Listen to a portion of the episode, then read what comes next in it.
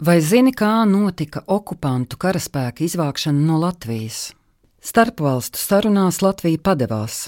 Saima ar vienas balss pārākumu bija aizliegusi Latvijas valdības delegācijai runāt par okupācijas armijas statusu. To dēvēja vienkārši par ārvalsts karaspēku.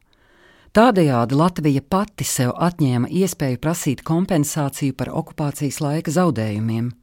Sarunu mērķis bija viens dabūt okupantus ārā pēc iespējas ātrāk, lai ko tas maksātu.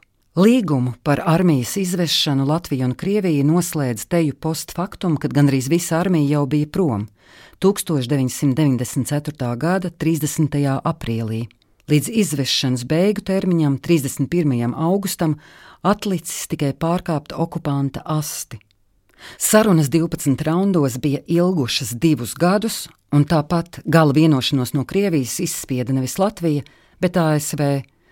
Prezidenta Klintona administrācija darbojoties kā neoficiāls starpnieks. Tā kā līgums noslēdza pirms pilnīgas bāzu pamešanas, daudzi punkti izklausījās smieklīgi. Krievijas federācijas bruņotie spēki neizmanto dislokācijas vietas komerciāliem mērķiem. Jebkādus celtniecības darbus, arī demontāžu var veikt tikai ar Latvijas Republikas piekrišanu. Kustams mantas iznīcināšana Latvijas Republikas teritorijā nav atļauta. Bruņotie spēki nodrošina Latvijas Republikas apkārtējās vides aizsardzības likumdošanas aktu ievērošanu. Kad piedzēries tēviņš krogā uz salvetes uzšņāpi, ka nekad nav dzēris un nedzērs, jūs viņam noticētu? Latvija izlikās, ka tic. Vēl sāpīgāka bija līguma norma par militārajiem pensionāriem. Latvija piekrita atstāt šeit uz dzīvi vairāk nekā 22,000 atvaļināto padomju virsnieku un viņu ģimenes, kopā ap 100 tūkstošiem personu. Vēlāk atklājās, ka vēl vairāki tūkstoši krāpnieku te palikuši ar viltotiem dokumentiem.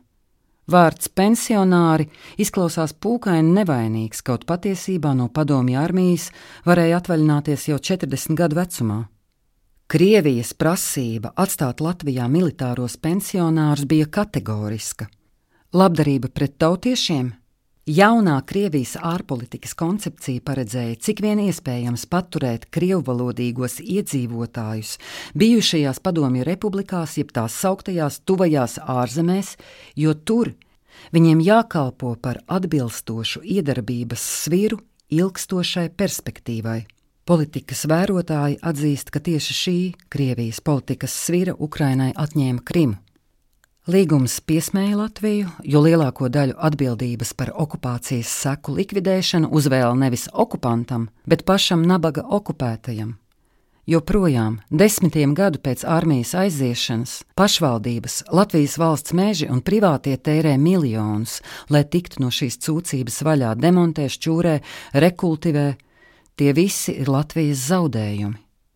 Taisnīgs līgums liktu ciemiņam aiz sevis sakopt pašam, Taču nekāds, pat visskrupulozākais līgums nespētu izdzēst to, kā okupācija izvarojusi mūsu sabiedrību. Gaiziņa, netapušās raķešu bāzes armīnieku mikrorajona mārcienā, vietējie vēl tagad mīlīgi sauc par Gorodoku, pilsētiņu. Puse pilsētiņas ir tukši grausti, pašvaldība nejaudātos nojaukt, otra puse sāk pārvērsties par sociālo izgāstuvi, uz šejien pārvieto nelabvēlīgos. Vai šāds Gorodoku mazajai mārcienai ir labāks par padomi laiku? Šķiet, mums visiem galvā ir tāds Gorodoku, postpadomi cilvēku mentalitātes pretīgais kakts, un pagātnes smaka no tā saindē pārējo.